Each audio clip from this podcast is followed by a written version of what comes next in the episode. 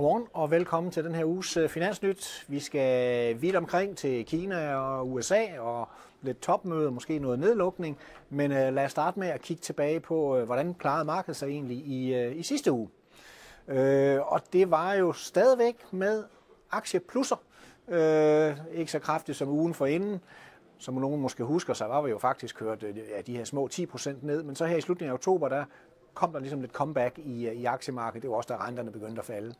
Men vi kan se, globale aktier, ja, de er op den her en halv procent, men ellers er der egentlig plusser over linjen. Lidt mindre end i øh, en ugen før. Det er selvfølgelig klart, at vi kan ikke stige 5 procent hver, øh, hver uge.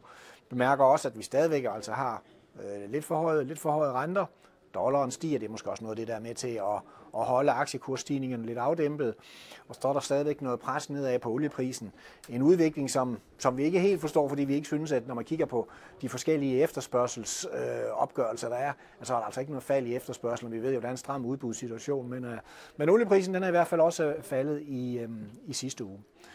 Og øh, før vi går til, til ugens nøgletal, så vil jeg lige komme lidt ind på, øh, jamen, hvordan aktierne og obligationerne egentlig har det med hinanden. Øh, Øh, fordi de har det ikke på samme måde hele tiden. Det vi jo har set her de sidste stykke tid, det er, at hver gang aktie, øh, renterne stiger, så får aktierne ondt i maven, så falder aktierne. Det kan de altså ikke klare. Øh, og derfor så skal vi jo kigge på det, der hedder samvariation mellem aktier og obligationer, det man fint ord, man kalder korrelationen. Og det er den, vi har her historisk. Og, og vi kan jo se her i øjeblikket, jamen der er vi nede i negativt territorium. Og det betyder jo, at når renten stiger, så falder aktierne. Men sådan kan vi jo se, sådan har det ikke altid været. Hvis vi øh, går lidt tilbage for eksempel til tierne, jamen der havde vi den modsatte situation. Der kunne rentestigninger faktisk godt gå hånd i hånd med aktiekursstigninger. Og går vi så endnu længere tilbage historisk, og også kommer tilbage i 70'erne, jamen øh, så er vi igen nede i negativt territorium. Og spørgsmålet er, hvad sker der her? Jeg tror, at, at nøglen til det her, det, det skal selvfølgelig blandt andet findes i inflationsudviklingen.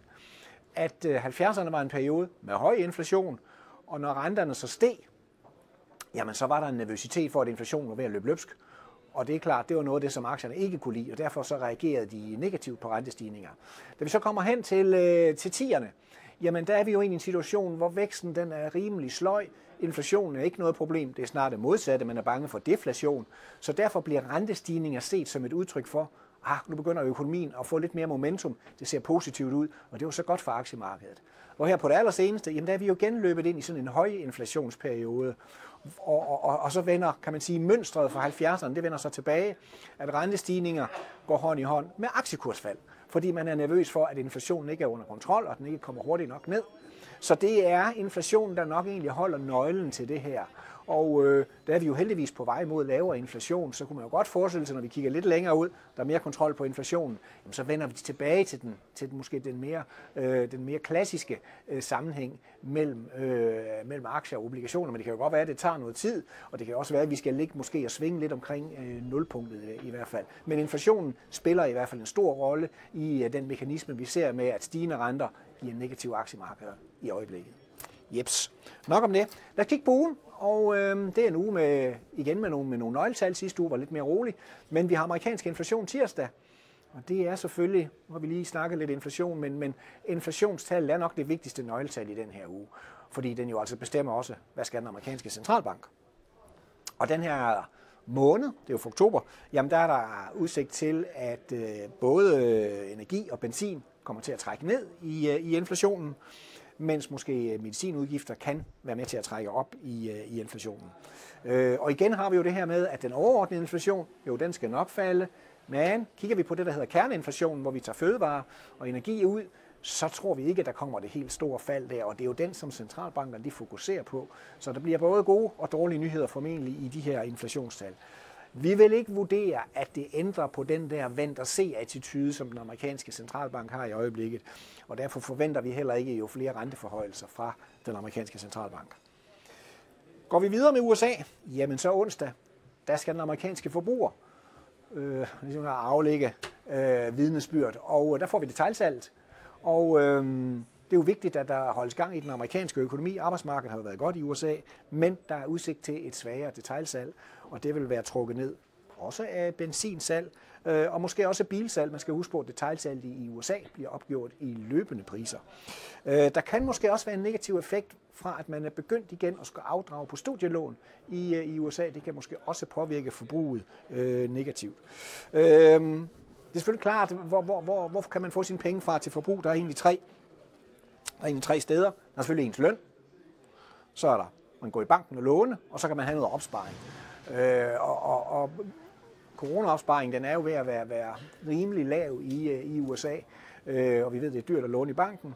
Så har vi selvfølgelig haft en okay lønudvikling, men, men, men overordnet set vil der selvfølgelig være fokus på, at amerikanske forbrugere kan holde momentum, fordi det er tit og ofte den amerikanske forbruger, der holder den globale økonomi i gang også. Så skal vi se en anden stor økonomi, Kina, som jo kommer med, med deres, skal vi kalde det, datapakke, detaljsalg, industriproduktion og investeringer, som kommer onsdag morgen. Og øh, de er jo hjulpet lidt af, hvis vi kigger på år-til-år-stigningerne, at oktober 2022, der var Kina jo stadigvæk nedlukket. Så det vil sige, at det var svage tal, vi sammenligner med, så giver det nogle pæne vækstrater. Så det er noget, der kan hjælpe egentlig øh, Kina her. Men kigger vi på de seneste konjunkturindikatorer, de her PMI'er for Kina, så var de altså til den, øh, til den dårlige side. Så det er altså noget af det, der, der, der godt kan trække lidt ned. Og Kina har jo generelt været, været skuffende med deres genåbningsboom. Det var meget kort, og, og, og deres stimulanser har heller ikke været noget, der har overbevist investorerne, som de kinesiske markeder jo virkelig har været, har været under pres. Øh, vi slutter af med lidt geopolitik, fordi øh, spørgsmålet er, skal vi igen have en nedlukning af dele af det offentlige system i USA her på fredag den 17. Det er jo sådan, at USA kan ikke finde ud af at lave lange bevillinger. Det øh, kan man ikke finde ud af i USA. Så derfor kører man med de her midlertidige bevillinger. Øh, nogen kan måske huske, at for en, øh, en, en 6-7 uger siden, der havde vi problemet igen. Så kom der lige en forlængelse her til den 17. 11. Og nu er vi jo snart ved den 17. 11. Og USA har så fået skiftet speaker i øh, repræsentanternes hus. Det ved jeg ikke, om det, det hjælper. Det kan måske gøre, at repræsentanterne er sådan en lille smule træt af hele det her nedlukningsforhandlingshalløj, så det måske kan gå lidt lettere den her gang. Who knows? Men det er selvfølgelig vigtigt også at, at huske på, nedlukning af del af den offentlige sektor er ikke så alvorligt heller ikke for markederne, eller økonomien for den sags skyld. Det er det her med gældsloftproblematikken, det er virkelig alvorligt, og, og det, er ikke, det er ikke det, vi snakker om her, det er en nedlukning af det, af det offentlige, men selvfølgelig kan det jo være, stadigvæk være generende. Fokus på det. Lidt mere positive toner, det er måske, at øh, Joe Biden, amerikansk præsident, skal mødes med sin kinesiske modpart, præsident Xi, øh, til APEC-mødet i San Francisco her den 15. 11. Og det kunne måske give sådan lidt optøning af, af det her kinesiske amerikanske forhold. Så det er selvfølgelig også noget af det, der vil være fokus på, om der kommer lidt positive toner ud der, og man kan tone tech-krigen en lille smule ned. Så, så det kan måske give os lidt øh, positivitet i, øh, i den her uge. Jeps, det var det hele. Tak fordi du kiggede med.